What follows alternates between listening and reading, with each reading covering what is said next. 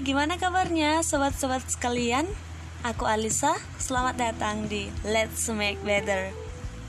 Kali ini kita akan berbicara tentang keluh kesah mengenai harapan. Firstly, aku mau bilang semangat. Iya, semangat.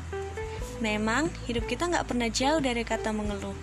Dicibirin ngeluh, jatuh ngeluh, dimarahin kita ngeluh.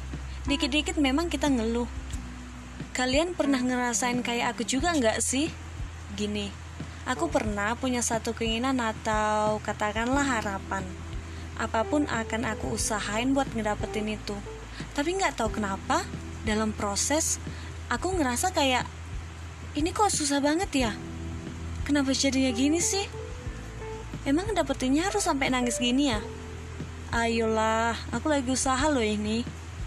Sampai pada titik terendah, saat aku merasa kalau no one can help me tiba-tiba aku ngerasa kayak ada keajaiban gitu loh. Dapat speechless tau nggak?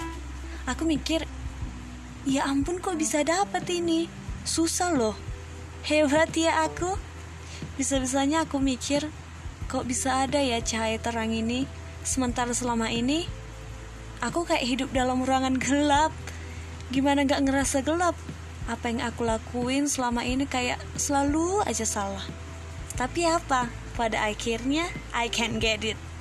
Seorang remaja yang sering merasa ragu dan nangis dengan harapan bisa mendapat apa yang ia inginkan. Hebat ya? So, buat teman-teman yang sekarang mungkin lagi ngerasa capek banget, ngeluh aja nggak apa-apa. Ayo nangis, marah ya nggak apa-apa.